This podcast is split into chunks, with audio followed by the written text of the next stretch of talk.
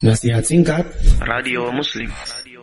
Man arada an yata'allama amran yanbaghi alaihi an yas'ala ahlal ilmi liyuftu. Barang siapa yang ingin mempelajari sesuatu ingin mengetahui sesuatu mempelajari sesuatu maka dia harus bertanya kepada ahli ilmu untuk agar diberikan fatwa itu. Ya ini sebagaimana yang sudah sering kita bahas.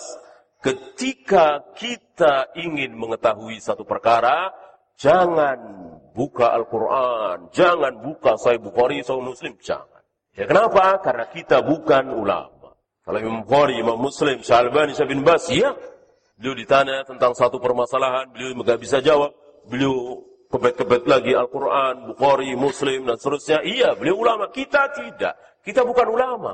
Maka ketika kita tidak tahu permasalahan, apa hukum bunga bank misalnya, apa hukum MLM misalnya, ya jangan cari-cari sendiri, ya tanya saja. Kan ayatnya jelas, fasalu ahli dzikri in kuntum la ta'lamun. Jika kalian tidak tahu, tanyakan kepada ahli dzikr. Allah tidak mengatakan jika kalian tidak tahu, bukalah Al-Qur'an. Ya, bukalah dalil, enggak. Membaca Al-Qur'an, membaca dalil hadis-hadis Nabi dalam rangka kita belajar. Dalam rangka kita belajar, oh begini ya, oh begini. Bukan dalam rangka mencari permasalahan, ingin menjawab uh, permasalahan. Ya. ya seperti antum bingung, ini saya sakit apa ya? Badan panas, uh, apa badan dingin tapi dipegang kok anget panas, ya? Uh, kepala pusing, sakit apa ya? Apa yang antum lakukan? Datang ke dokter, selesai kan?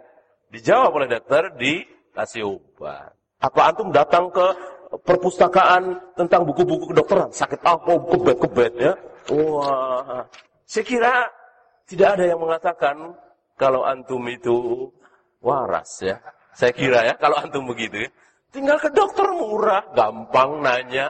Itu ilmu dunia. Ilmu dunia. Yang entah seperberapanya dari ilmu akhirat. Ini ilmu akhirat berapa ribu kali lipat dari ilmu dunia tentu lebih bertanya lagi. Cari orang yang kita sikok. Orang yang kita percaya. Bukan cari sendiri. Ya, nah, kita lihat anak-anak muda hari ini yang tidak faham manhaj bagaimana cara belajar. Begitu gegabahnya. Pengen tahu ini, tinggal oh, apa? Apa itu istilahnya? Ensiklopedi. Ya, wah tinggal baca itu. Apalagi ada apa itu? Oh internet. Tinggal pejet-pejet.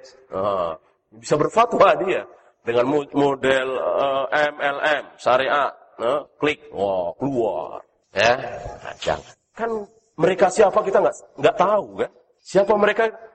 Taruh ada orang nulis bawahnya dalam kurung Syekh Albani. Bisa nggak begitu? Tentu bisa kan? Ada orang nulis, wah suka-suka dia. Kasih dalil-dalil dikit dah, ya. Kasihlah saya Bukhari begini. Uh, halamannya salah juga nggak bakalan dicek gitu. Ya, saya Muslim, nggak bakalan dicek. Ya, satu saya yang tahu ketawa ini. Apa ini? Jadi ilmu jadi murah sekali. Jadi ilmu seolah jadi mudah sekali. Ya, jadi seolah kita mengecilkan Imam Bukhari, Muslim, Abu Dawud, Nasai yang berjalan ribuan kilometer untuk mendapatkan satu hadis, dua hadis. Sekarang tinggal pencet, gitu.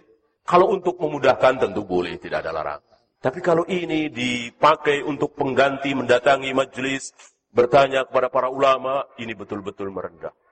Ya, jangan ya, jangan. Apalagi sekarang ada BBM-an, ya, ini itu seolah oh jadi bisa berfatwa semua, ya, jadi merendahkan ilmunya para ulama.